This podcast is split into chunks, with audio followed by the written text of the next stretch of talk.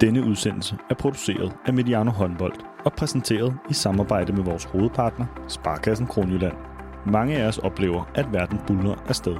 Men hos Sparkassen Kronjylland tager de sig tid til det, der tæller. Tid til at gøre sig umage. Det forsøger vi også på Mediano Håndbold. Sammen med Sparkassen Kronjylland tror vi på, at tiden vi investerer gør forskellen. Rigtig god fornøjelse.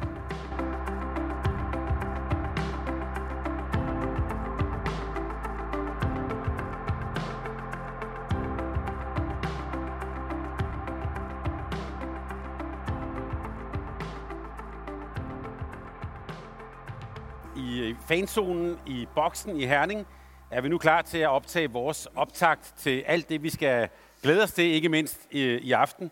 Man kunne sige, nu spidser det til. Der er VM-semifinaler i boksen i Herning kl. 17.30 Danmark mod Norge og kl. 21 Sverige mod Frankrig. Fire forhåndsfavoritter, som er klar til den afgørende weekend ved et VM. Det bliver ikke meget større. Ja, så skulle der lige være en dansk finale på søndag. Men det kan vi jo, det kan vi jo det kan vi tale lidt om. Jeg må sige, det jeg kørt hertil, jeg sad og tænkte på, om alt det, vi har lavet indtil videre omkring det her VM, at det i virkeligheden var en optag til det, der skal ske i dag.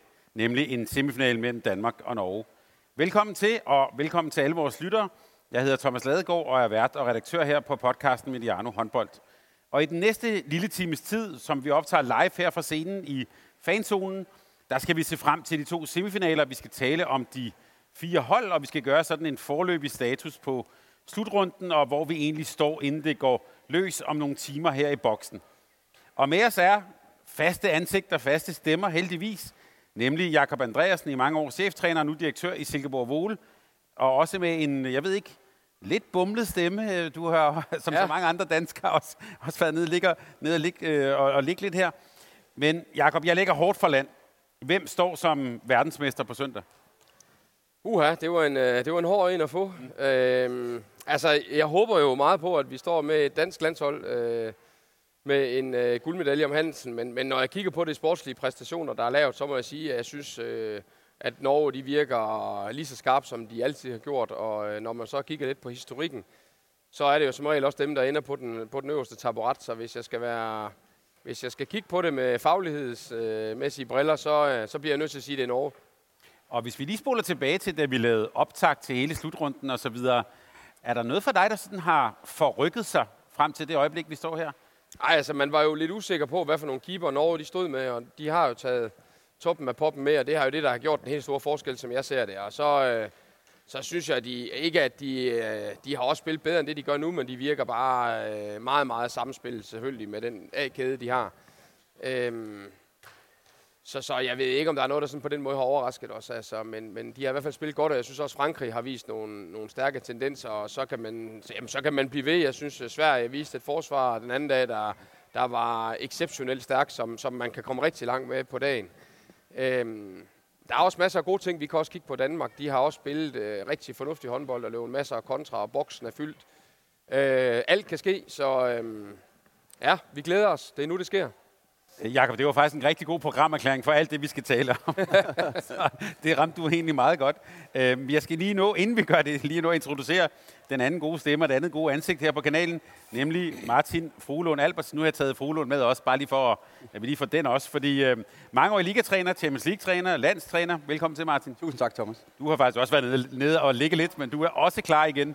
Ja. Er det som et, et billede på, at øh, vi er det genopstandende også i dag for, øh, for Danmark? Ja, lige præcis. Har du energi tilbage til at tale mere VM? Ja, mega nu. Jeg ja. sige, den er kommet tilbage igen, så jo tak. Jeg, jeg er lige så klar, som jeg forventer, at uh, det danske damelandshold er. Men har, har du det lidt på samme måde, som jeg havde det med, at uh, ja, det har da været meget sjovt indtil, men det er nu. nu. Nu er vi der. Nu er det VM. Ja, fuldstændig. Altså, selvfølgelig har der været en, en, en vældig uh, festlig kamp. Uh, Frankrig mod Norge, som for begge mandskaber jo var, var alligevel død, og så alligevel ikke, fordi de vidste jo godt, de gik videre begge to. Men det var en, en fantastisk kamp. Så vil jeg sige, at øh, Hollands kamp mod Norge, øh, Norges program har været uh, rimelig stærkt, så øh, det var også, øh, jeg har faktisk øh, troet på, at Holland kunne være endnu mere med i den kamp, og øh, det, blev ikke, det, blev ikke, øh, en, det blev ikke en fantastisk kamp, og det skyldes Hollands øh, niveau i den kamp. Præstationen var ikke, var ikke, var, var ikke god. Øh, specielt længere var det faktisk øh, under, under deres normale niveau. Øh, men ellers ja, jeg, jeg ser godt nok frem til, til den her weekend. Det, det er det, vi har ventet på. De, de fire bedste hold, nu har jeg også nævnt Holland, det kunne have været en af dem også. Om det er Sverige og Holland i min verden, er ikke, er ikke det store, den store forskel. Det er sådan totalt dagsform. Men, men vi får fire, øh, fire hold nu her til semi og til finale, øh, bronzekampene, som fantastiske hold. Du kaldte dig, der er jo i tidligere udsendelser har jeg jo kaldt dig for min life coach, og du, fordi du er jo, du har jo været optimistisk på Danmarks vegne. Men så får du også lige den, det hårde indledningsspørgsmål. Øhm, hvem står som verdensmester på søndag? Jeg synes, øh, Jakob var omkring det sportslige fuldstændig inde omkring tingene, også de tanker, jeg har haft. Øh, jeg vil så sige, skulle man tage sådan lige efter total dagsform i det, vi har set sidste hus tid, så er det måske Frankrig, som står allerstærkest på grund af deres forsvar. Det, det har været vanvittigt.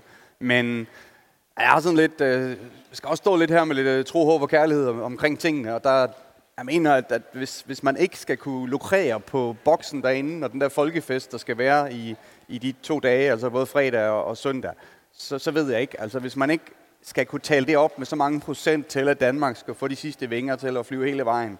Og, og der vil jeg godt dramatikken i, at de andre kampe har der været også øh, tilskuere, og vi har bygget op. Men det har bare været sådan lidt overlevelse i forhold til, at man skal vinde kampene, fordi man har været bedre. Nu kommer man op med nogle modstandere, som, som på papiret er lige så gode, måske talt op i medierne til, at Danmark er, er ved at være underdogs.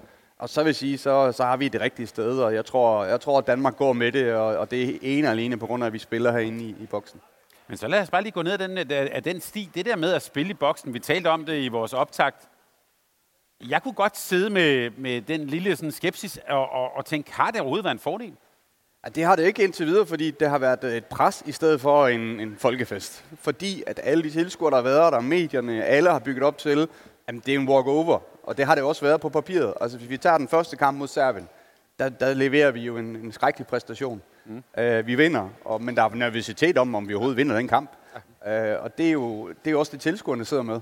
De kan jo godt se, altså de tilskuere, der sidder i hallen her, Danmark er et, et håndboldland, så de fleste har så meget opfattelse omkring, hvem er gode her. De kan sagtens se, at Danmark er jo langt bedre, hvorfor vinder vi ikke større og så videre. Og sådan har det jo egentlig været mod Japan. Jeg vil også gerne tælle dem op til at være anderledes og alt muligt, men det, det er ikke øh, anden end sensation, at de vinder over Danmark herinde i boksen. Så, så det har ikke været nogen fordel indtil videre sådan rigtigt at spille på hjemmebane.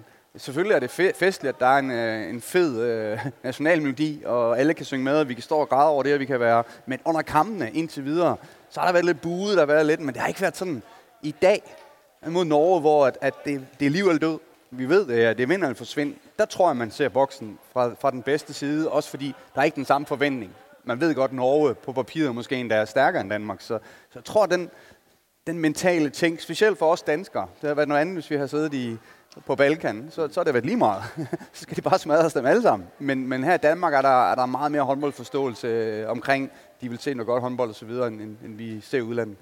Oplever du det på samme måde, Jacob? Vi har også været til stede i hallen, og ja. mod Japan, der, blev, der var sådan lidt, lidt sådan choktilstand nærmest. Ja, ja, ja, ja, og også den lidt vi er jo meget forventet, som Martin også siger. Vi er et håndboldland. Altså, vi er jo... Øh, hele nationen rejser sig, når vi har et hold i fodbold, der øh, kvalder sig til et VM. Og øh, når vi spiller et VM, så gider vi ikke rejse os op, før vi er kommet til semifinalerne. Altså, det, er, vi er jo, øh, det fortæller lidt om, hvor internationalt højt niveau vi øh, præsterer på, og hvad vores forventninger er. Øh, og det er jo også, altså, det er lige før man ikke er, vi ikke kan tilfreds, vi bliver tilfredsstillet, før vi har fået en guldmedalje. Og nu er vi på vej til at spille os i for fjerde gang i en semifinale også. Så øh, vi er jo et hold, der, eller en nation, der har nogle helt kæmpe, kæmpe store forventninger, og det har de jo heldigvis så indfriet.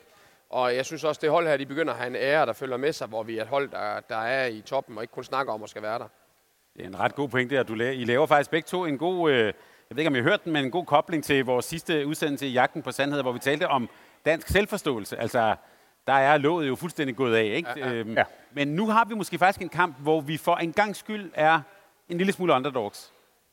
Så det er også det, I tænker, det kan måske faktisk have den positive effekt, at så er folk mere med, når vi scorer det første mål og første redning osv. Det er typisk dansk. Altså, ja, ja, ja. Vi har set det i fodbold, vi har set det i ja. alle sammenhænge med Christian Eriksen og komme op efter sådan en situation. Øh, og vi har også set det i håndbold før, hvor vi har været øh, nede i sækken, og så har, har landet ligesom været med til at samles op. Altså det, det er jo ikke kun øh, nu her, vi står inden for håndboldsporten og har haft udfordringer i en runde. På herre- og damesiden har vi jo øh, oplevet det gang på gang. Så øh, der er ikke noget nyt i det. Nu er det bare det nye i det, det her i boksen, og det, det bliver set af alle øjne, af danske øjne, øh, kan man sige, under kampene. Og, og det, det bliver spændende at se, at, øh, hvordan boksen rejser sig i dag, men det, det tør jeg godt love. Og vi kan også sige, øh, hvad, hvad jeg har set af seertal, der ligger vi jo Altså, der var næsten en million, der så Danmark-Chile, så øhm, det bliver spændende at se sådan en fredag aften, om vi kommer op imod de Jamen, to Thomas, prøv at spørge udlandet. Altså, hvis, hvis den procentdel af antal af, hvor mange ser tv, mm-hmm. ser en sportsgren, altså, de vil jo være vanvittigt ellevilde. Det er, jo, det er jo sindssygt, at en million den danske befolkning sidder og ser Chile-Danmark. Ja. Øh, der er mange lande, der vil være misundelige over det. Så, så opbakning til at se, om vi taber eller vinder, øh, er stor. Og det er jo... Øh med kobling til, at Divisionsforeningen lige nu sidder og genforhandler en femårig aftale med TV2, som er i udbud, så kan man sige, det, jeg ved ikke, om det når at ændre noget, men, men, men altså, det er jo, når vi kigger på øh, måden øh, TV2 behandler kvindesporten på, nu er en lille smule skrab, så må vi sige, det er ikke, øh, det er ikke særlig godt med henblik på, at øh, eksponeringen ikke er god nok, og samtidig så vælger de at vise øh, Ajax mod Esbjerg. Nu er det lidt, lidt billedligt fortalt måske. Mm. Men jeg synes ikke, TV2 de, øh, præsterer i forhold til at, at fremme øh, den kvindelige liga. Øh, så er det i hvert fald rart at se, at når at de ikke har andre valgmuligheder, fordi de skal vise kampene, og det er på hjemmebane, at vi så får nogle tv-tal, der, der springer alle rammer. Så det, øh, interessen er der i hvert fald. Så er det et spørgsmål, om vi kan få medierne til også at være med på den. Og nu skal vi ikke stå og forhandle det her på scenen i boksen. Men vi kan da sige, så vidt jeg har forstået, at landsholdet, det er en pakke, man køber ind på. Altså det er jo sådan, at og nu var jeg lidt hård ved TV2 øh, og medierne, men, men det er jo også sådan, at de kunne også bare vælge at sige, at de vil gerne øh, købe øh, udvalgte kampe, eller de vil have en landsholdskamp, og så vil de have nogle, nogle herrekampe, og så vil de købe nogle damekampe. Der vælger man jo også at lave en stor pakke. Mm. Og der er ingen tvivl om, at, at landsholdet er jo det helt store drivplaster, når der kommer OL og VM og EM. Så er det jo der, den helt store pakke ligger. Og, og så øh, tror jeg også, at, øh, at vi skal takke for kvindesiden noget af det, der, der følger med på, på herre, herrehåndbolden, fordi det er, det er også stort. Ja, vi skal se det som en håndboldsporten, og håndboldsporten i Danmark, altså der er ikke noget land, hvor håndbold er så godt et produkt, hverken tv-mæssigt eller, eller, eller så videre, øh, en, en, en håndbolden er i Danmark. Det, det er et vanvittigt fedt produkt, så øh, vi skal, det er et tidsspring, men, mm. men øh, det må der være efter om. Det er jeg sikker på, at vores lyttere faktisk er med på, den type sidespring.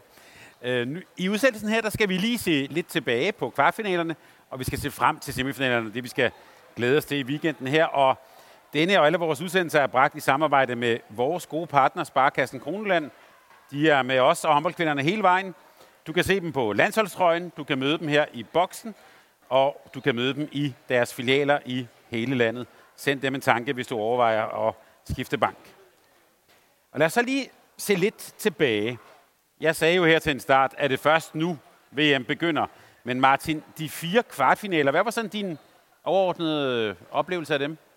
Der var faktisk større øh, niveauforskel, end jeg havde forventet øh, i, i flere kampe, og det, ja, det var lidt overraskende. For, for mig var det overraskende, at tyskerne havde den bund, de havde øh, mod Sverige. Jeg synes ikke engang, at Sverige spillede en fantastisk... Øh, der var bundslige mål, som, som gjorde det det er meget, meget surt for, for tyskerne, men generelt så har jeg set tyskerne i en formkurve, der har været øh, opadgående i den her turnering, men, men der var en kæmpe bund. De var selv i chok, selvfølgelig. Allerede efter 10 minutter virkede det til, at de var i chok over, hvor dårligt de egentlig kunne blive i sådan en kamperkamp. Uh, øh, det var, det var, og så var det også for mig, øh, det har vi også været inde på med Holland, uh, de er tættere på Norge, end det vi så under kampen. Der var også mange mentale ting. Der var også hvordan man kan se det hele spiller ind med et pust, ligesom spillere og træner, og alle var i lidt stress der normalt. For nu har vi set Golden League, hvor at, øh, Holland mange gange har spillet 7 mod 6, næsten fra start, og, og vundet over Norge. Øh, der, der gik godt nok lang tid, inden der blev reageret. Så, men det var sådan en typisk øh, kamp, hvor det hele gik bare i stress, i stedet for, og der var en progression i, i, i den udvikling af, hvad Holland vil spille under den kamp. Så der var, der var nogle negative overraskelser, kan man sige. Øh, ellers var, var det vel forventet, øh, resultatmæssigt øh, i, i de andre kampe. Og bare lige for at blive ved den. Vi så vel også i den kamp uvandt mange norske tekniske fejl. Altså sådan, øh, der blev... Altså der, det er det første gang, jeg har set sådan en, en, der bliver hældt ud på tredje række, fire meter forbi. Og... Ja, men det er jo ikke det eneste. Det var også øh, udskiftninger. Jeg har da aldrig nogensinde set to gange øh, to minutter øh, på bænken for, for fejludskiftninger. Det, det præsterede Norge den kamp. Altså, det, er helt uhørt. Altså, der plejer jo totalt at være styr på tingene, men de, de var også i, i stress. Så det var heller ikke, fordi Norge spillede fantastisk godt, men, men Holland var dårlig. Hvad var din oplevelse af de fire kvartfinaler? men altså, jeg synes jo, øh, hvis vi sådan kigger på det individuelle, så synes jeg, at franskmændene, de øh, laverer nogle fantastiske præstationer på deres atletiske måde at spille på. Altså, de, øh, den hastighed og den fysik, som de kommer med, det, jeg havde ikke regnet med, at de var så gode, som de øh, præsterer. Og de har jo også en, en træner, som øh, han får altid tryllet lidt eller andet godt ud af dem. De starter altid med at spille dårligt, og så lige pludselig så begynder de bare at ramme noget. Og, og på det taktiske også i forhold til både at kan drikke noget defensivt og noget offensivt og noget skævt og sådan noget, der har de bare, øh, synes jeg, mange flere værktøjer, øh, som de besidder, både individuelt, men også som hold. Jeg synes virkelig, de er, de er dygtige til at få meget ud af det. Øh, så er det klart, at, at øh, man, man er selvfølgelig skuffet over Holland, fordi at de øh, har spillet i det tempo, som de har gjort, og vist den, øh, det overskud, de har haft. Men, men jeg tror også, vi snakkede om det sidste gang. Jeg, øh, jeg var lidt bekymret for, når de møder et hold, der virkelig står godt defensivt, om de så også kan, kan lykkes med de ting. Og det, det synes jeg også, vi oplevede. Øhm, ja, så kan man sige, at Danmark, vi skulle have vundet med mere end, end to. Det var ikke, øh, det var ikke godt nok. Altså, det, den var øh, klar til at lukkes på en 8-10 stykker.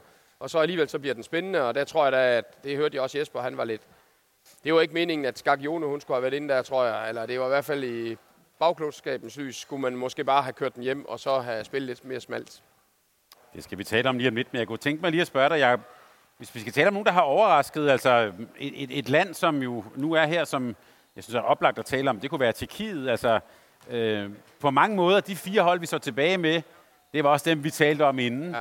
Men lige ned under det, er der, er der vel nogen, der har forbedret sig, og måske, hvis vi tænker Spanien, Ungarn, ja. den, den evige... Det evige altså, Ungarn havde vi, jo, havde vi jo også taget med som en af de, dem, der måske godt kunne have lagt op omkring, øh, ja. omkring øh, firene. Jeg synes faktisk, Spanien, det var, dem blev også lidt overrasket over. De taber meget på grund af deres målmand. Ikke? De har ikke de målvogter, som de skal have for at komme op på den højere remskive. Men når man kigger på deres fysik og deres drejespillere og sådan noget, så har de jo dygtige spillere, som, som, øh, men, men, men det er svært at se dem komme ret meget længere, hvis de ikke har en keeper, der kan gå ind og, øh, og være på et højere niveau. Mm. Positiv og negativ overraskelse, Martin? Noget? Ja, det synes jeg, vi har været inde på her. Altså, Tjekkiet har leveret en, en pragtpræstation i forhold til... Altså, Bendal har ikke så mange gode spillere, som vi ser i Spanien, eller vi ser fra, fra nogle af de andre nationer. Der, der må jeg sige, Ungarn også... Øh, der, der, er det, der er det vanvittigt, at uh, Tjekkiet kan, kan komme så langt, som, som de er kommet på meget, meget få spillere og meget, meget smalt spil. Men det viser også, øh, hvad man kan der. Det har vi også set på herresiden, hvordan, hvordan man kan spille smalt og alligevel øh, stå til sidst. Det er jo selvfølgelig et sats, ja. øh, uden skader og så videre. Hvor langt, hvor langt kan man så komme? Øh, jeg er enig i, at Navarro er hendes niveau er savnet i Spanien, og så, så synes jeg også, det, der, der er ikke den kemi omkring tingene, både træner og spillere og så videre, som vi har set førhen, når de kom langt Spanien. Der er ikke den fight, der er ikke den passion omkring at spille deres type spil, tæt på forsvaret, hurtigt spil osv., det er lidt væk. Øh, det kan komme tilbage. De vil bygge det op med, med Ambros, undskyld, som jo har jo leveret alle de resultater, man kan levere ind på klubhåndbold, og nu vil han så også prøve det på, på landsholdet. Men øh. vel også en person, som i hvert fald som jeg oplevede den sidste kamp.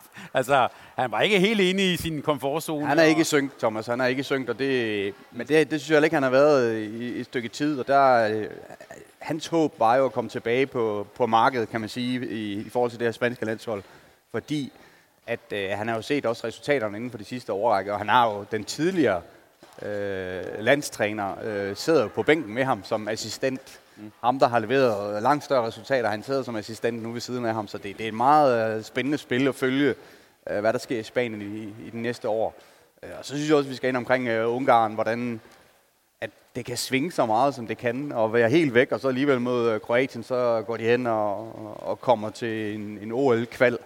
Uh, øh, og det viser, at der er noget materiale i det hold, hvis de virkelig... Uh, de har en sindssygt god biro. Vi startede om det inden, nu hun stod alene, så er hun vanvittigt dygtig. Det har hun også været hele turneringen.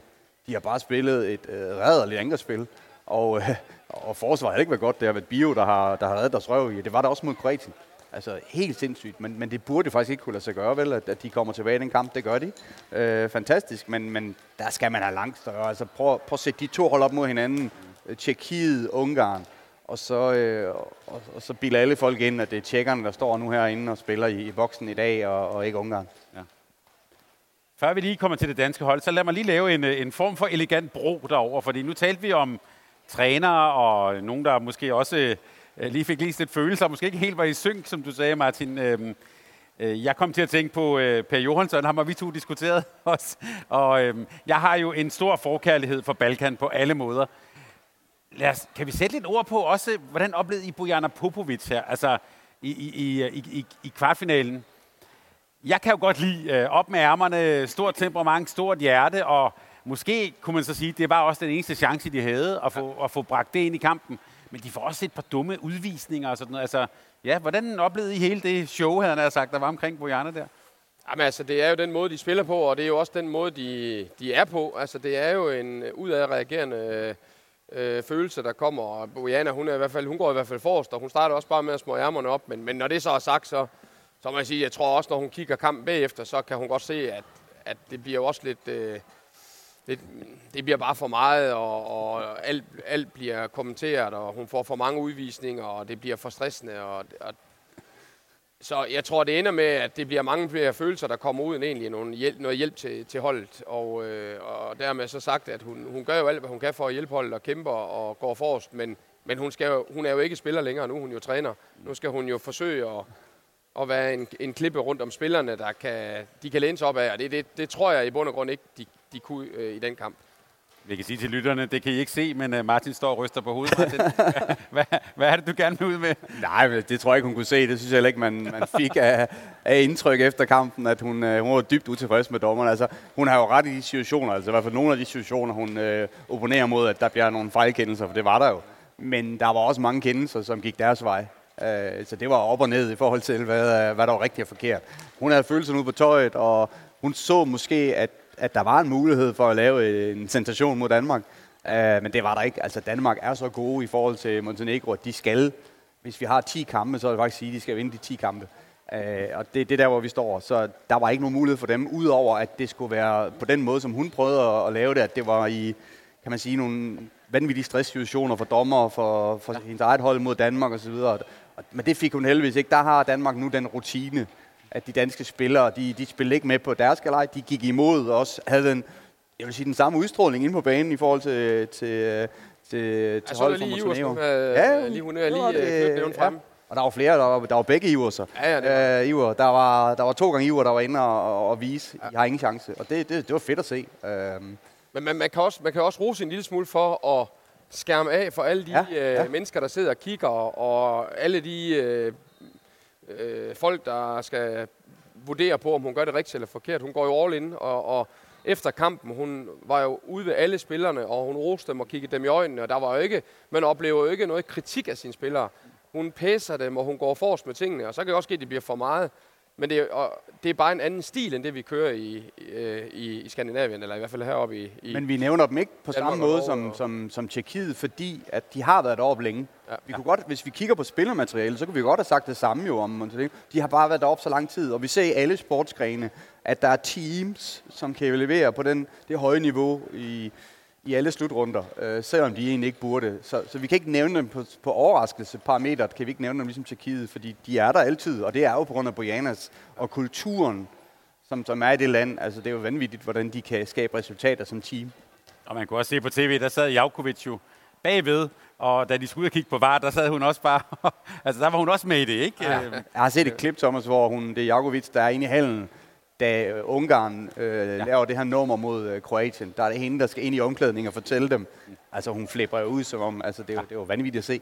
Øh, fed, fed, fed. Øh, mental indstilling til det at, at, at gå til sport.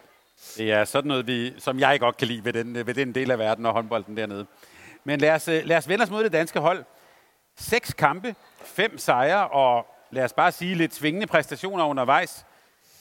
Men jeg tænkte også inden i dag, på den anden side, hvis vi lige glemmer herrenes VM i 2019, så er langt de fleste slutrunder og mesterskaber, de bliver jo vundet på en lidt bumlet vej. Altså, sådan er det altid, og, altså, og på den måde kan vi også sige, at i dag starter VM for alvor. Men Jakob, hvis vi lige sådan skal omkring det danske hold, dit overordnede indtryk, så var, jeg, jeg kalder det en bumlet, en bumlet ja. vej. Hvad, hvad synes du? Ja, men jeg, jeg er jo det er jo et dejligt ressourcesprog, du snakker ind i. Jo. Altså det, øh, selvom vi spiller ikke så godt, så kan vi jo stadigvæk. Jeg tror, at vores øh, coach op i Silkeborg Ole, øh, Anne, hun ville blive stolt, hvis jeg havde taget den indgangsvinkel. Men, men øh, jeg synes jo også, vi skal, fordi vi tror og håber jo også øh, det bedste, og, og jeg er fuldstændig enig. jeg vil også, øh, jeg kan sagtens finde nogle ting, hvor man siger, skulle Skagione have været inde, eller hvorfor spiller vi med, hvorfor starter vi turneringen ud med at spille med en playmaker, der måske ikke var første valg, og, men, men Jesper Jensen har jo haft en strategi om at have ressourcer, når vi står her i dag. Og jeg tror faktisk, når du kigger rundt på spillerne, så bliver der brugt lidt for mange ressourcer i går, eller i forgårs, end han egentlig gerne ville. Men de står faktisk et sted, som de har drømt om. Der er ingen sygdom. Spillerne er fit for fight. Øh, nu skal de spille mod Norge. Hallen er fyldt. Øh, jamen, hvorfor ikke? Mm. Og, og som han selv siger, det drejer sig om at blive mellem de fire bedste. Mm. Og når man er det, så skal man ramme den øh, en gang imellem for at få en guldmedalje. Der er ikke nogen, der kommer til det, fordi man er de bedste. Det er også et spørgsmål om at ramme dagen. Og øh, det, er det, det er der, man er nu. Og øh, så alt, øh, alt er jo øh, sat op til at, at kan lykkes. Det har været meget værre, hvis man havde bare kørt med de, med de samme seks eller otte spillere, og, og så øh, kan man jo kigge ind i Norges hold og sige, hvor mange øh, minutter har øh, Oftedal spillet, og hvor mange minutter har de har delt med spillet meget. Jeg ved godt, de er vant til det. Det er en anden strategi. Men spørgsmålet er bare, kan, kan, kan Mørk, kan hun tage øh, 60 minutter mod, nu skal jeg til at sige Silkeborg det er det ikke, mod øh, det danske landshold i, i aften. Det, det er spændende at se, fordi de har sat med spil smalt. Og det har Jesper ikke, så øh, der har været lidt bum på vejen, men, øh, men de er jo der, hvor de skal være med de ressourcer, der skal til. Tak fordi, at du anerkender mit ressourcesprog. Tak. Det er, det er jeg glad for. så, lad os, så lad os lige blive det, Jacob. Nu, nu tvinger jeg dig. Ja. Men hvis, hvis, øh, hvis målsætningen er, at vi skal være blandt de fire sidste, det siger man også på herresiden, så ved, ja. og så siger man, så kommer den næste sætning, så kan alting ske i finaleweekenden. Er VM så nu en succes for Danmark? Ja, det synes jeg. Altså, det synes jeg, den er, fordi at, øh, vi har trods alt øh, vist, at vi er med der, hvor at vi skal spille, og hvis ellers, at vi, øh, hvis, som jeg synes, så synes jeg, at øh, det, det har vi snakket om tusind gange, der er tre hold, der er blandt de bedste. Det er ikke en katastrofe at tabe til et norsk landshold, det er bare ærgerligt. Øh, på et eller andet tidspunkt, så vinder vi også, og øh, så kan vi godt, vi venter lidt med at komme ind på, hvad der skal til, tænker jeg, men, men, øh, men jeg synes, øh, jeg synes vi, har, vi har leveret det, vi skulle. Øh, man kunne godt drømme om de, om de sidste 10% eller 20% i, i, i, i ny og næ, men, men jeg tror bare, hvis man skal kunne det, så skulle man have spillet med den samme kæde øh, i mange flere minutter, og så havde man risikeret, at øh, Mia Højlund hun var halvslidt og måtte skulle trække sig igennem de næste par kampe. Og der vil sige, det, det er jo det, man har set fra EM, at, at og det, det Jesper har så sagt øh, efterfølgende, de sidste 15 minutter i EM-finalen, den, de taber vi på grund af ressourcespørgsmål. Ja. Jeg vil bare sige, der hvor man så skal se Jespers øh, lederegenskaber, og det kan jo lyde mærkeligt, fordi det kan jo, man set udefra, så er det måske meget nemmere, at man deler minutterne rundt til hele truppen. Men det er jo der, hvor at, at de der topspillere, han har, dem som ved, at det er os, der skal være på banen, når det skal afgøres. De, de, de kender godt hinanden, de ser på hinanden, de har spillet nogle startminutter og tænkt, okay, det her det virker. Det har de også udtalt, det her det virker med os. Ja. Der er det spændende, om man kan holde det mentale i gang omkring, om de synes, det er okay, at de har spillet så lidt minutter, som de har, eller så få minutter. Og der kan man sige, det, det finder vi ud af både i dag og, og, og på søndag, om, om, om det ledelsesarbejde, der er lavet omkring truppen, om, om det har virket. Det, jeg tror på det, men, men jeg vi synes, ser det jeg først. synes ikke, at der har været så meget tvivl om, hvem der har... Altså, jeg synes, uh, Burgård, øh, Mie Højlund og Anne Mette Hansen, det her ligesom, det er endt med at blive, det her det er vores øh, A-kæde. Christina Jørgensen, hvor blev hun af? Hvor blev Line, hvor blev, øh, hvor blev, ja, altså, der, der er selvfølgelig nogle spillere, der kan komme ind og, og skal tage en større rolle, og det, det tror jeg også, at vi kommer, det skal de også gøre. Jamen, jamen det jeg mener mere, Jacob, det der, men der, for eksempel på målvogterpositionen har vi haft sådan en turnus. Ja. Øh, givet alle chancen. Det har vi faktisk gjort på alle positioner. Ja. Øh, der er en grund til, at Norge er kommet langt mange gange ved at spille smalt. Ja. Øh, det er jo, at, at øh, selve, jeg vil ikke sige hierarkiet, det er sådan en floskel, men, men der, er en, der er rammer for, hvem spiller hvornår og så videre fuldstændig, og, og de vil spille. Øh, jeg er ikke sikker på, at andet end de topspillere, der render rundt på det danske damelandshold, de vil også gerne spille. Så det er det, hvordan får man det til at gå op til sidst, når der sidder nogen, som måske er lidt utilfredse. Jeg tror sågar, der er nogen, der sidder utilfredse over, at de overhovedet ikke har spillet osv. Hvordan får man det til at gå op? Det, ser man i dag og, og på søndag. Men det virker lidt på mig som om, at hvis vi nu igen tager ressourcesproget frem, at det hele har ledt op til den semifinale, vi skal se i dag. Ja. Altså, det er vel i dag, vi skal måle, om det er den rigtige strategi. Ja, fuldstændig. Og det ved men, de Men det tror, jeg ikke, det tror jeg ikke, man er i tvivl om. Nej. Det er den rigtige strategi. Spørgsmålet er så bare, om man rammer dagen. Ja. Altså, man, man kan ikke spille, vi kan ikke spille med tre eller fire spillere gennem en hel turnering, og så regne med, at vi også skal spille i de sidste to kampe. Det kan ikke lade sig gøre. Øh, og så kan man sige, hvorfor kan Norge så? Jamen, så må vi kigge på nogle gener eller et eller andet, hvordan at, øh, de kan spille. Men de, og de har også udskifter, og de skifter trods alt også ud. Ja. Men, men jeg er ikke i tvivl om, det er den rigtige strategi. Spørgsmålet er bare, om vi rammer dagen i aften. Det vil tiden vise. Men den anden side af mønten er jo faktisk også det, som I er lidt inde på. Skifte meget. Altså, du nævnte, tror jeg lige var inde på det der med Montenegro. Så har Scalione stået og varmet armene op i fem minutter, ja. Og så kommer Bjørn pludselig kastet ind. Ja. Det virkede på en måde lidt overmodigt, og måske faktisk også lidt at gøre han en bjørnetjeneste. Ja. Øhm, altså, så, så, så kommer der måske, fordi vi gerne vil det, så kommer der måske lige det der lille græn af usikkerhed ind. Jamen, jeg, jeg tror, det der det var, et, det var et tydeligt billede af, at Jesper han vil så gerne aflaste øh, eksempelvis Burgård. Hun må ikke få for mange minutter. Risikoen for overbelastning, risikoen for skader, hvis hun går ud. Så han, lige så snart der var chancen, så forsøger han at skubbe hende på banen. Så bagefter kunne man godt sidde og sige, det skulle man aldrig have gjort. Nej, men det kunne også være, at hun havde scoret på den første, så havde vi vundet med 10. Ja, ja, det var. Og, og sådan er håndbolden jo bare. Og, og der løber han jo risici. Kæmpe risici i starten af turneringen. Øh, han starter også anderledes op, end, end jeg ville have valgt. Men han er trods alt kommet dertil, hvor han skal. Og jeg tror, hvis du spørger Mia Højlund, som jeg synes er en, en x-faktor-spiller i dag, altså uden hendes øh, individuelle kompetencer, så tror jeg ikke, vi har en chance. Øh, er hun et godt sted? Ja. Burgård, er hun slidt op? Nej. Anne Mette Hansen, hun har kørt lidt på ressourcerne. Hun kan heller ikke trække den selv. Der skal vi have Christine Jørgensen ind og yde en endnu større indsats, end det hun har gjort indtil nu. Og jeg er fuldstændig enig.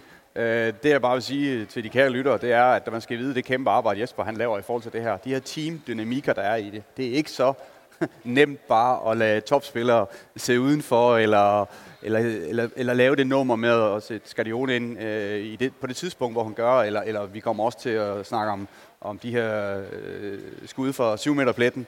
Af den turnus, der er der, det er ikke nemt, øh, det arbejdet. Så der er gået et kæmpe fagligt arbejde øh, mellem kampene, øh, også under, men specielt mellem kampene fra Jespers side, om at, at lave de her teamdynamikker, at, at få det til at gå i plus. Hvem er det så, der skal, om jeg så må sige, afgøre det for Danmark? Er det de der start, den der start 7 og 8? Altså nu tager jeg også Havsted med der. Jeg tror, det bliver mere individuelt. Altså, hvis vi ikke finder den der topkeeper, øh, ja. om hvem af dem det er, det, det er jeg sådan set ligeglad med. Vi skal have en, der står på 50 procent, øh, for det, det skal vi forvente, at Norge de kan finde på. Ja. Øh, så det, der, der er individuelle ting der. Så mener jeg, Mia, jeg ved godt, at vi har snakket om hende mange gange, og det er en, en, en fave der. Mm. Men hun skal, og det er det, han har bygget op til. Han har givet hende masser af pauser, så hun kan eksplodere i sådan en Norge-kamp.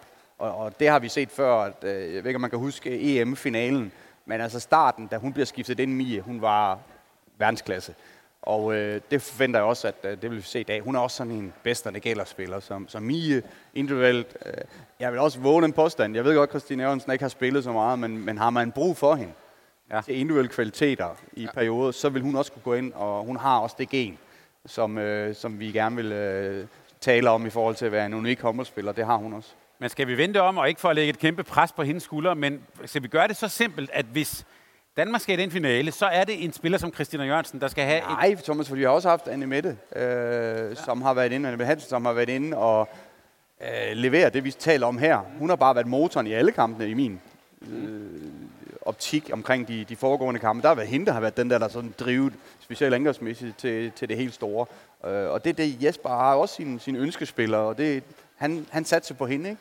Og, og hun starter også i, øh, i finalen sidste år til, til EM øh, og gør det glimrende. Øh, går så også død. Øh, så den, den dynamik, som hun kommer med, den, den vil vi også se i dag. Hun starter helt sikkert i dag og, og spiller en brandkamp. Men lad mig lige bringe en, øh, en, en, øh, en lille personlig kæphest på banen. Øh, nu har vi jo udtaget i 18-mandsgruppen tre målvogter. Mens vi taler sammen her, ved vi ikke noget om, hvilke 16 spillere, der er blevet udtaget. Det kan være, at lytterne allerede ved det, når de ser det her.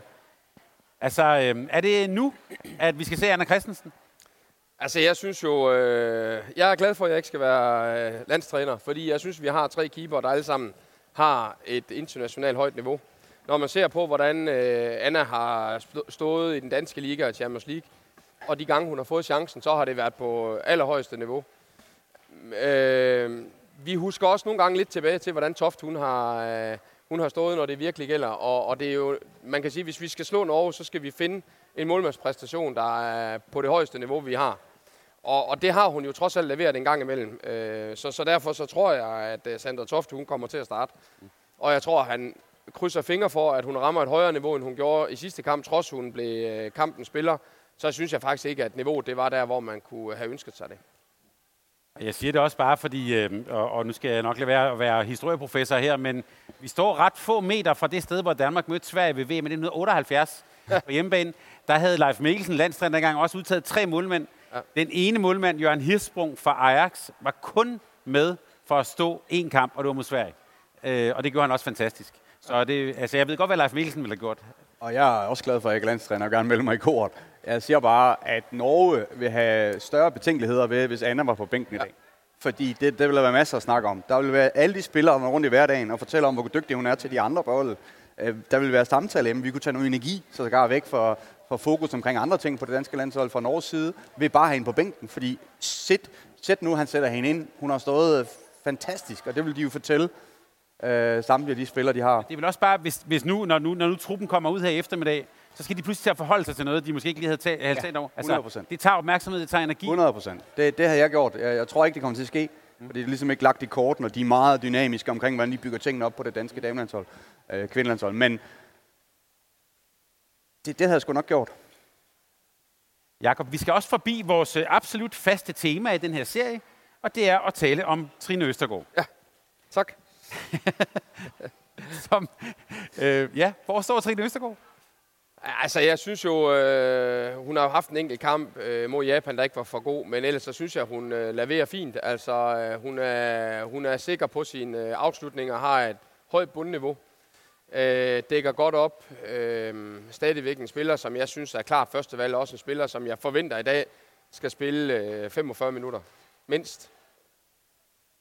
Så øh, jeg synes, vi har stadigvæk en, øh, en lille diamant ude på højre fløj, der har spillet øh, 250 landskampe eller, eller mere. Jeg ved det ikke. Men en, en, en variant af det spørgsmål kunne jo være, det er jo faktisk i den side af banen, hvor, øh, hvor der ligesom har været en, en reservespiller med, og så har Emma Friis skulle egentlig trække den alene i den anden side. Ja. Vil du have gjort det omvendt? Øh, nej, altså man, man har jo to med, så det er jo et spørgsmål om, hvad for nogle indskifter man, øh, om man skal, om man skal ture, tro på, at der ikke kommer en skade på fløjene. Mm. Øh, fordi det er jo rent faktisk det, der er, fordi at øh, Annemette Hans, eller hvad her hun, øh, Fris, hun skal spille 60 minutter, hun skal levere. Det skal øh, Østergaard også. Så har vi bare sindssygt dygtige garderinger. Mm. Øh, så så øh, det, det synes jeg, det er, helt, øh, det er helt naturligt. Men hvad synes I så om den, nu kalder jeg det Esbjerg-varianten, altså en, en, en stregspiller, der starter i venstre fløj og løber ind over, øh, hvor de så spiller med to streg, øh, stregspillere. Det har meget været, meget været Sara Iversen, der har gjort det, når Emma Fri skulle have en, et pust. Men det for, kan jeg kun se, at man har gjort, fordi man ikke vil vise 7 mod 6 endnu.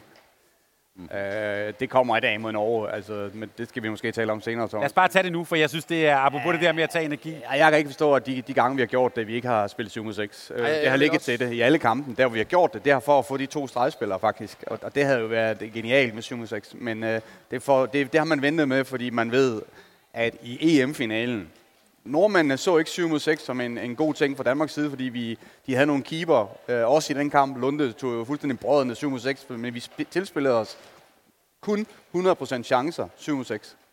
Øh, så selvfølgelig har vi det med til i dag. Øh, og det har man så ikke vil vise, øh, fordi man skal bruge det mod Norge øh, i dagens kamp. Og det er også fair nok. Øh, men men, men det, ellers havde man gjort det, det er jeg helt sikker på. Men så giv mig lige, lad, lad os sige, øh, hvis vi nu skulle, øh, det, det er slagmarken, vi skal ud på. Vi har et særligt hemmeligt våben, det er det, jeg hørte dig sige. Ja, det er jo ikke hemmeligt, fordi man har gjort det i finalen der sidste år, men, men man har ikke vil vise, at det er en del af tingene. Øh, og der regner man måske med, ligesom Holland øh, ikke har brugt det ordentligt før til allersidst, hvor det hele var afgjort mod Norge, at nå, så gør Danmark det heller ikke. Øh, det, er en, det er en del af spillet, der er gået væk man ved jo, at Norge sådan rent mentalt hader 7 mod 6, i hvert fald træneren. Mm. Øh, så det er bare det, man, man sætter det op i kampen, det vil uh, irritere ham. Øh, han vil, øh, han vil stå derude og, og fnyse, øh, specielt hvis man gør det til at starte på. Ja, og det er jo krumtappen for det norske spil, det er jo stå godt i forsvaret og løbe kontra, og det er jo det, de har. Det er jo det, de er så dygtige til, så hvis man tilspiller sig store chancer, så tager man også kontrafasen. Så smadrer man lidt kontrafasen. Så, øh, så der er ingen tvivl om, at, at det norske angrebsspil er til at tage at tale på, men deres forsvar, deres kontra, det er helt sublimt. Så derfor så er det jo et spørgsmål om at se, om man kan brække det ned, øh, det der øh, stærke forsvar, de har. Jeg kan være bekymret for, hvis man venter med noget, og ikke får det trænet, om man så kan finde det høje niveau, eller det bliver sådan noget stressfaktor med, at nu skal... jeg er sikker på, at de har trænet det hele Ja, de har sikkert trænet det, men når man ikke bruger det i kampe, kan jeg være bekymret for, om vi kan finde det niveau, der skal til. Øh, det, det vil Helt jeg... enig. Helt enig. det Og jeg var jeg sat til dig, Thomas, at det ville jo være smart at bruge det i de situationer, mm. for lige prøve det af. Og Ja, for man har det- mange varianter i det, så det er jo ikke som, at man viser den ene one and only variant, man har på det. Så, så det var egentlig mystisk, men... Uh, Men hvornår skal det spilles ud? Lad os, lad os, jeg er med på, at det ikke er et hemmeligt våben i den forstand, men det er måske lidt et wunderwaffen. Altså, at skal man, øh, apropos OL-finalen for herre i 16, starte med det?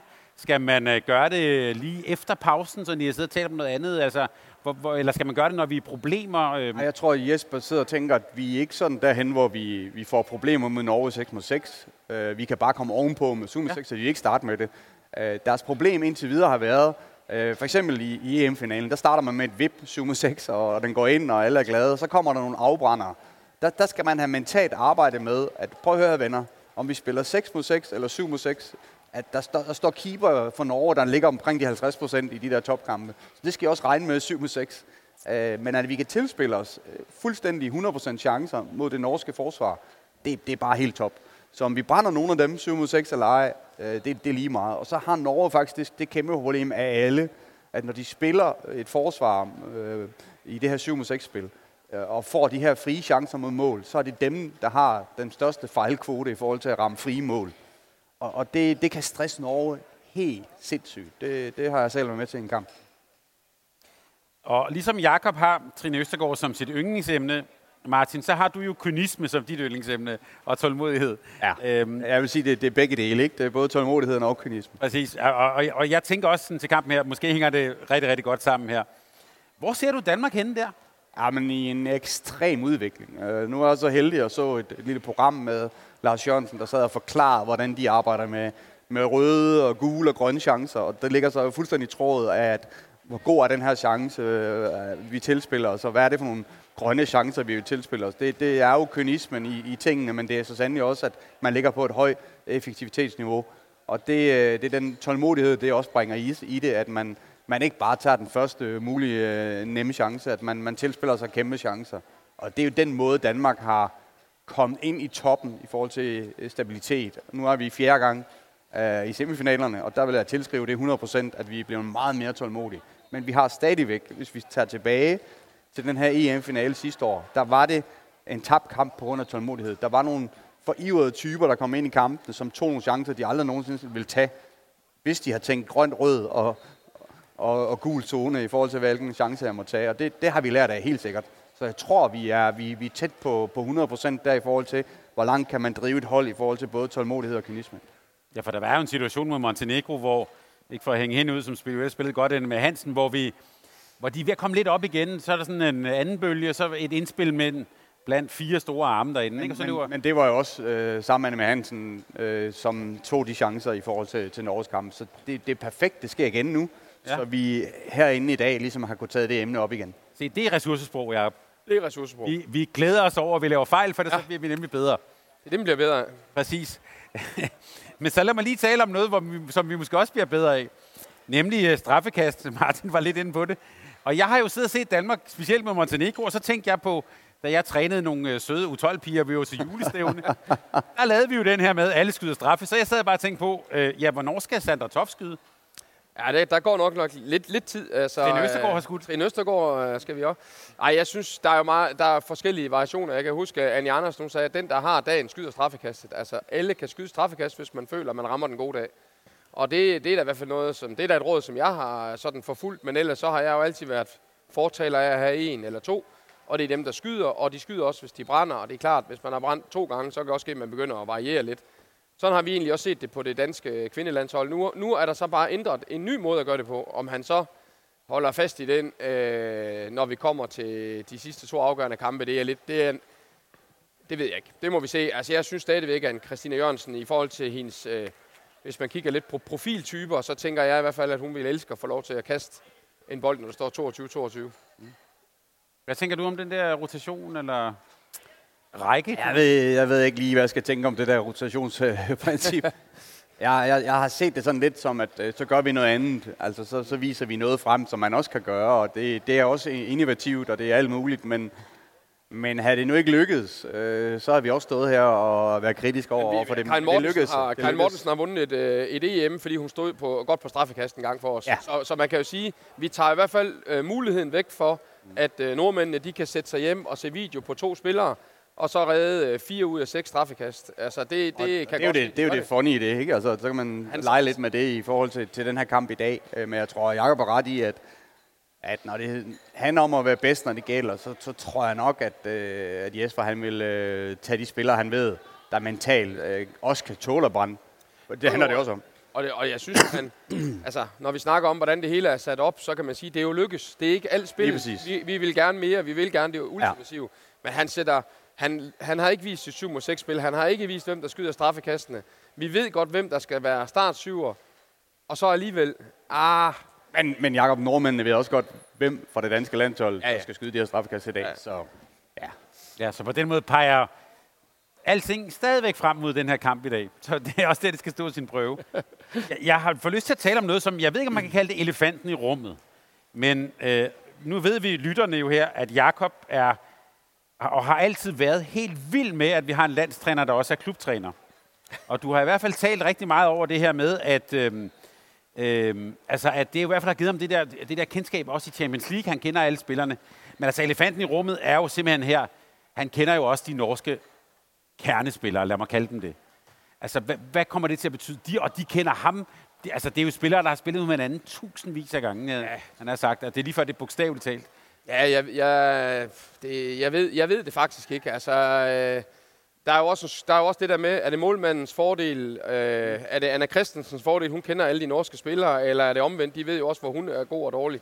Altså, jeg, jeg, jeg ved det ikke. Altså, jeg, jeg tror jo stadigvæk, at det er en, en kæmpe fordel, at, at Jesper har haft alle de øh, Champions League-kampe, og efterhånden også rigtig mange landskampe. Altså, det gør bare, at han kender han kender strukturen, han ved, hvad der skal til i løbet af året for at toppe, når man kommer til en slutrunde. Han ved, hvordan han agerer i slutrundeperioden. Øh, og det synes jeg bare, man kan mærke, også til det her, at det, der er ikke noget, der er tilfældigt. Alt bliver vurderet. Han øh, gør alt, hvad han kan for at gemme og lave de rigtige kort øh, i dag. Det har han brugt de sidste seks kampe på, eller hvad har de nu har spillet. Så, så jeg synes stadigvæk, at jeg tror, det er en kæmpe fordel, at han har de Champions League-kampe. Jeg tror, det er en kæmpe fordel, at han kender spillerne. Altså, øh, det kan i hvert fald ikke komme bag på ham, hvordan øh, de der norske A-spillere, de spiller. Det, det tror jeg nu ikke, det har gjort alligevel. Jeg skal bare lige spørge, hvis nu bliver meget konkrete, skal du nok komme til, Martin. Så Nordmørk, det, ja. Ja, han har også her på kanalen talt om, at det virker som om, at hun faktisk jo har rykket sig i den her sæson. Han har også fået hende til at skyde afsted, altså skyde nogle flere skud afsted, være mere farlig selv. Han har rykket Nordmørk. Med andre ord, Jesper Jensen ved, hvornår, hvor det, hvad der gør hende god. Ja. Han ved så også, hvad der skal til for at måske at forstyrre hende. Ja, man kan sige, hun er, hun er jo en spiller, som jeg tror, det er svært at styre. Altså, det er jo også hende, der er landstræner lige for tiden, så Ja. det er hende, der ja. sætter tingene. Så Jesper kan jo godt forsøge at styre hende, men altså, hun gør, hvad hun, øh, hvad hun altid har gjort.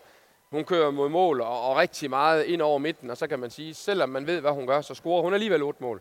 Så når vi er færdige med den her kamp, så kan Jesper kende hende alt det, han kan, og trænerne sætter sig jo ind i alt på sådan en spiller. De ved godt, de første 7-8 spillere, dem, dem ved de, hvad de laver. Men spørgsmålet er bare, har vi så kvaliteten for at dække op imod det? Jeg kan godt lide, at du kalder det elefanten i rummet, for jeg står her og bliver helt nervøs i forhold til, til det, du nævner her, fordi jeg synes faktisk, det er tit at se, at de her spillere, der er op mod øh, gamle, kendte trænere, de, de, de præsterer ret godt. Øh, jeg synes ikke, at i Rejstad har haft et godt VM indtil videre, men det kunne godt være sådan noget som, som det, du nævner, at, at hendes øh, klubtræner står derude, og, og, og det på en eller anden måde, så kan det give hende et eller andet øh, sammen med Nora. Nora slår mig også som en type, som skal vise verden en masse ting. Ja. Øhm, faktisk. Altid. Ja, ja, altid. Så Og vil spille. ja, og, og, og, og lige nok på den, det parameter, der tror jeg ikke, det er nogen kæmpe fordel, at det er Jesper, der står ude på den anden side. For de to spillere.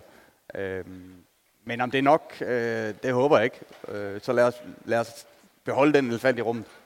Men jeg hørte øh, i øvrigt, øh, Helle Thomsen sige her til, til morgen, hørte jeg det i radioen, sige, hende, sige om de to trænere, at altså, hvis jeg sådan skal skære det ud, Jesper Jensen langt bedre træner, også rent taktisk i sin forståelse af spillet.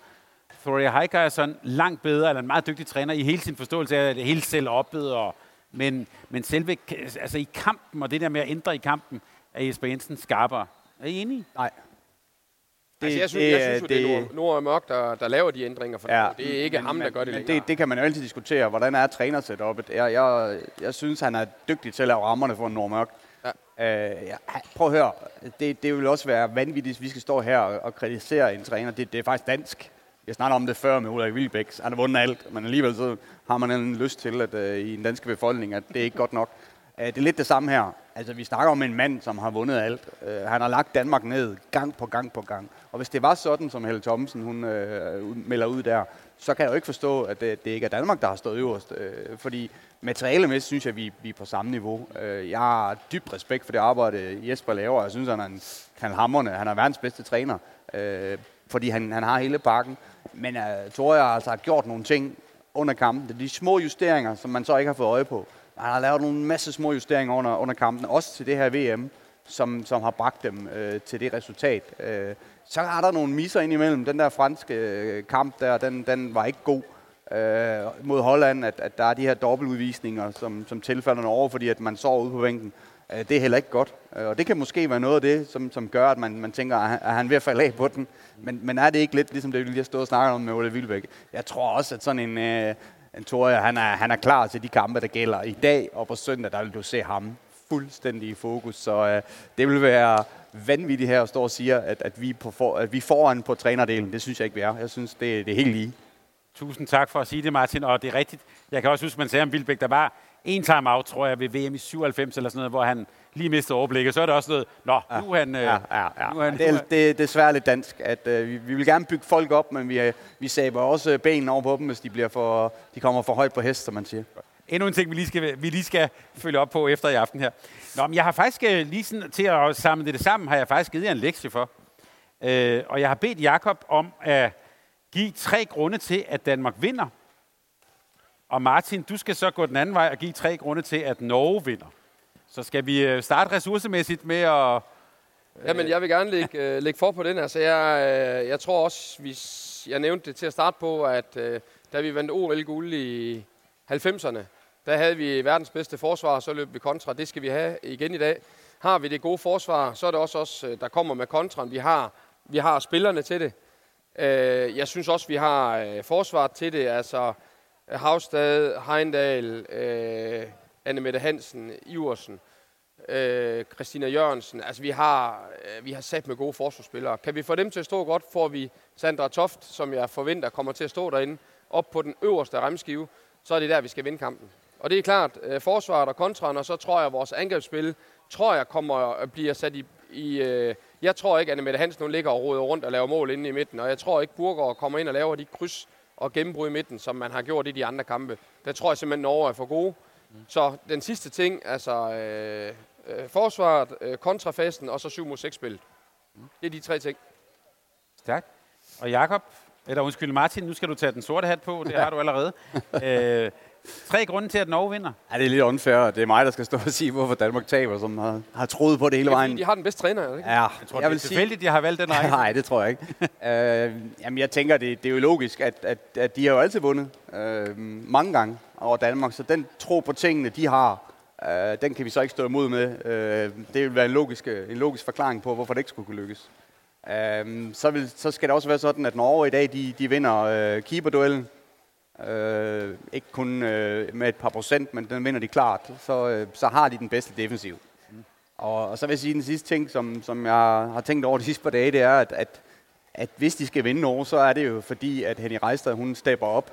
Og det lyder jo mærkeligt, for hun, hun er jo verdens bedste håndboldspiller, men hun har ikke spillet et godt VM indtil videre. Mm. Øh, og det er så i dag, hun stepper op og, og viser, at, at øh, ligesom hun gjorde i øvrigt, da hun heller ikke måske havde været så god til EM, men når vi snakker finalen, så er hun desværre rigtig dygtig. Øh, og det vil så ske igen i dag, at Henning Reistad, hun stepper op, fordi Nord Mørk, hun er altid god. Uh, men, men, men Henning Reistad, det... Uh... Ja, Oftedal har jo rutinen til at samle tingene, og selvom hun spiller en dårlig kamp, så er hun jo stadigvæk krumtappen i, at der er styr på tingene, så Nord Mørk, hun ikke bare frisser det ud. Og sådan en ting, vi har glemt at tale om i forhold til den, øh, hvem stepper op. Altså, Bredstødel har jo nærmest ikke været øh, på banen. Øh, og, og hvis man kan huske tilbage til EM-finalen øh, mod slutningen, øh, ja, så var hun på banen. Uh, og det kan godt være, det, det er lidt ligesom det samme, uh, som jeg talte om før, at Danmark har gemt 7 mod 6. Uh, det kan være, at Bredsted, hun er blevet gemt helt væk. Og det kan være, hun skal ind i forsvaret og stå med nogle lange arme derinde. Det kan også være. Så der har vi ikke et, det er jo ikke et hemmeligt våben, men uh, lidt kan være sådan et wunderwaffen, ja. Ja. der kan blive spillet ud. Og det jeg egentlig også hører jeg lidt sige, øh, hvis jeg nu skulle spørge, hvad kommer til at afgøre det, det jeg, jeg hører også sige, det er de der øh, individualister, vi har også nogle gange talt om Katrine Lunde-reglen, altså, øh, fordi det er en tæt kamp, kender hinanden så godt, så stor kvalitet, så er det hvem, der lige kan det der ekstra. Selvfølgelig. Godt. Skal vi også lige nå til sidst lige at, det, og, og, og vende Sverige og Frankrig? Jeg kunne lige starte med at spørge, og, ja, og øh, det kan være, at Johan Flink øh, lytter med. Svensk journalist. Bliver boksen fyldt til den anden semifinale? Altså, du mener, om folk tager hjem? Ja. Ja, det håber jeg ikke. Altså, han sendte en lidt spydig kommentar afsted, da, da, da, da Sverige spillede kvartfinale. Der var folk jo her i fanzonen, og ikke ind og se håndbold, og så sagde han, at det her det er håndboldtosset Danmark. Ja, og det er jo rigtigt nok. Men ej, jeg tror, folk de bliver sådan en fredag aften, og de vil have det hele med. De har selv betalt. Altså, der har været en stor diskussion om billetterne er for dyre, så det vil undre mig, at, at man ikke tager det hele med i dag. Ja, hvis de, man må sige, hvis de leverer varen, øh, hvis, øh, hvis øh, Sverige de leverer varen, øh, fordi det tror jeg, Frankrig de nok skal gøre. Øh, Sverige de skal finde det forsvar frem, øh, de gjorde i sidste kamp. Øh, de skal stå benhårdt dernede, og så skal Hackman lave 8 mål eller 10 eller 12. Så har de en chance, men ellers så øh, tror jeg, at Sverige de, øh, får en lang kamp. Så lad os øh, bare lige øh, runde det hele af med øh, den anden del af jeres lektie, nemlig at øh, lige se på, hvorfor det måske er Sverige, der står i finalen, og hvorfor det måske er Frankrig. Og Jakob, du har fået opgaven til at give tre grunde til, at det faktisk er Sverige, der vinder. Jamen, jeg- jeg synes, deres forsvar det var outstanding øh, mod Holland. Øh, var det ikke sådan, det var? Jo, altså, Øh, de, de klemte altså mod tyskerne, mener du? Mod tyskerne, undskyld, det var der, det var. Ja. Øh, klemmer dem jo fuldstændig fra hinanden. Øh, trods et tysk øh, fysisk stærkt hold. Øh, og så synes jeg, de har Bunsen, som øh, når hun øh, står inde i mål og rammer de, de gode kampe, så kan hun være, så kan hun være afgørende, og så skal, ja, jeg tror næsten, jeg sagde det før, så skal Hackman jo op og lave de der 7-8 mål på kontraen, 5-6 mål ved siden af, så, øh, så er det jo sådan knap 50 procent af målene. Men, men hun er jo også afgørende for at kan øh, hive, hive Sverige frem til, til at lave de øh, mål, der skal til. Og det, og det svenske forsvar, bare lige for at blive meget specifik, som jeg ser det, Anna Lagerqvist, der kan træde ud langt øh, ud faktisk, og, og holde en mand langt ude også, ikke? Ja, jeg synes, de er meget mere bevægelige. Hvis, hvis du ser Frankrig, hvis du ser øh, Sverige, den bevægelighed, de har ind i deres 6-0-forsvar, den måde, hvor de ikke bare står og afventer, og de, de agerer i stedet for at reagere på det. Altså, det, det, det, det, der synes jeg virkelig, vi de er kommet nogle skridt foran det danske. Aggressiv. Altså, de Ja. ja. var sindssygt Et mod, 6-0-forsvar. øh, mod tyskerne. Øhm, der, der synes jeg, vi, øh, der ser vi tunge ud og mere passive ud i det danske forsvar. Endnu. Men det kommer jo i dag. Kommer jeg? Jamen, øh, i, i dag, det bliver sådan en forvandlingskugle, det bliver dejligt. Martin, øh, tre grunde til, at Frankrig vinder. Hvad, hvad vil du pege på der? Ej, jeg synes, Frankrig har det, det bedste forsvar, vi har set indtil videre siden den turneringen. Deres, deres forsvar mod Norge, uh, det er ikke kun, når vi snakker kvindehåndbold, når vi snakker forsvar generelt håndbold, så var det noget af det bedste, jeg har set uh, meget, meget, meget længe. Dynamisk, uh, effektiviteten i forhold til, at uh, er der en, der går frem, så er der bare backup. Uh, uanset hvor på banen det var, det var, det var fantastisk at se. Og så, så øh, i den forbindelse, jeg ved ikke, om det hænger sammen, eller det er nummer to ting, men at det har altså en glossaire inde i mål, Laura Glossaire, som, som står, som jeg så hende i august-september øh, i, i forberedelsen nede i Bukaresti for, for deres øh, klubhold dernede, øh, hvor hun var verdensklasse. Det, det er det desværre også, øh, kan man sige, hvis vi snakker videre forløb på Danmark, og, eller hvem der nu skal spille mod øh, Frankrig i finalen, der er, det, øh, der er hun altså oppe på det niveau igen nu. Hun havde en downperiode for klubholdet, men øh, hun er helt tilbage, og det skyldes selvfølgelig også det her fantastiske forsvar af franskmænd. Og så, når vi har været inde på trænerne, så må man også bare sige, den rutine og den, den måde at, at, at få det bedste ud af individerne på et hold, der er Krumpert øh, bare genial. Og øhm, det, det vil vi også se i dag. Altså, jeg tror, øh, han, han har fundet lige nøjagtigt de punkter, hvor Sverige er, er dårligst. Øh, og så har man også set øh, et fransk hold, det, er jo, det er jo helt ud over det hele, for nu kommer der mange punkter, men ja, de har altså også begyndt at løbe med modstanderne. Øh, og, og det er selvfølgelig øh, meget, meget giftigt, at man har så dygtigt et forsvar, at man så også kan begynde at lukrere på det i en kontrafase. Og det er de altså begyndt på. De gør sig klar til OL. Selvfølgelig gør de det. Præcis, og jeg, hvis, jeg, jeg følger også franskmændene på Instagram, øh, og det, det er fyldt med alle sådan nogle teamopgaver, og så står ja. Krumholz og sådan Altså, det, de virker nærmest som om, de bare er på en træningslejr til OL. Det er de jo også. Altså. Det er det store for dem. Altså, jeg har selv haft fornøjelsen af at have haft nogle franske spillere i den her sæson, hvor at, at det er det eneste, der er i hovedet på, på de her franske spillere, øh, det er at, at være klar til OL. Godt. Der er Det er, jo, også- det er jo faktisk en, det er jo, det er jo lidt specielt, at vi ser så mange dygtige øh, franske spillere. De har virkelig mange. Og så kigger på, hvor mange der er lykkes i den danske liga. Altså, franske spillere, der kommer til Danmark, er der meget, meget få, der er lykkes af. Mm. Så der er jo også en kæmpe kulturforskel. Så Ja, ja. og Ja, ja. Den måde, de øh, gør tingene på i Frankrig, er bare kæmpe, kæmpe stor forskel på, hvordan vi gør det i Danmark. Til gengæld så er der mange danskere, der er taget til Frankrig og lykkes. Ja. Så det kan vi tage en anden dag. Ja, og det kan være, den dag allerede kommer på søndag. Jakob og Kasper, øh, nej undskyld, det hedder I ikke, det klipper jeg lige ud. det Altså, er godt, vi kan klippe i det. det, det er gammel manus. Ja, det, ja. der stod forkert der. Ja, måske skal jeg bare lade det være. Ja. Øhm, Martin og Jakob, tusind tak, fordi I ville gøre os klogere her. Det har været en fornøjelse. Vel, tak. Er I klar på at gøre det igen på søndag? For, forhåbentlig, altså, men så Forhåbentlig. skal det være Danmark i finalen. Godt. Jamen, øh, det, det går vi efter. Jeg vil sige til alle jer, der har lyttet med her, tak fordi I lyttede med. Øh, nyd boksen og fanzonen, og husk at lytte til Mediano Håndbold, der hvor I plejer at høre podcast. Og endnu en gang tak til Sparkassen Kronland. Vi er tilbage søndag inden bronzekamp og finale. Vi glæder os, og øh, jeg har også en skummel plan om at besøge Herning Bibliotek i morgen. Der skulle gerne komme øh, nogle øh, danske profiler forbi. Det håber vi også at få med på podcasten her. Tak fordi I var med, og lad os så gå ind og nyde noget håndbold. Det glæder vi os til. Tak, Thomas.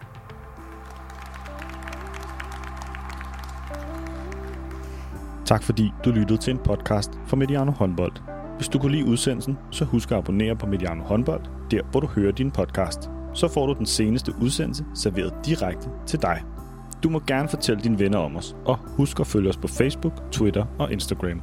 Mediano Håndbold kan lade sig gøre på grund af Sparkassen Kronjylland. De er med Mediano Håndbold og det kvindelige danske landshold. Tak fordi du lyttede med.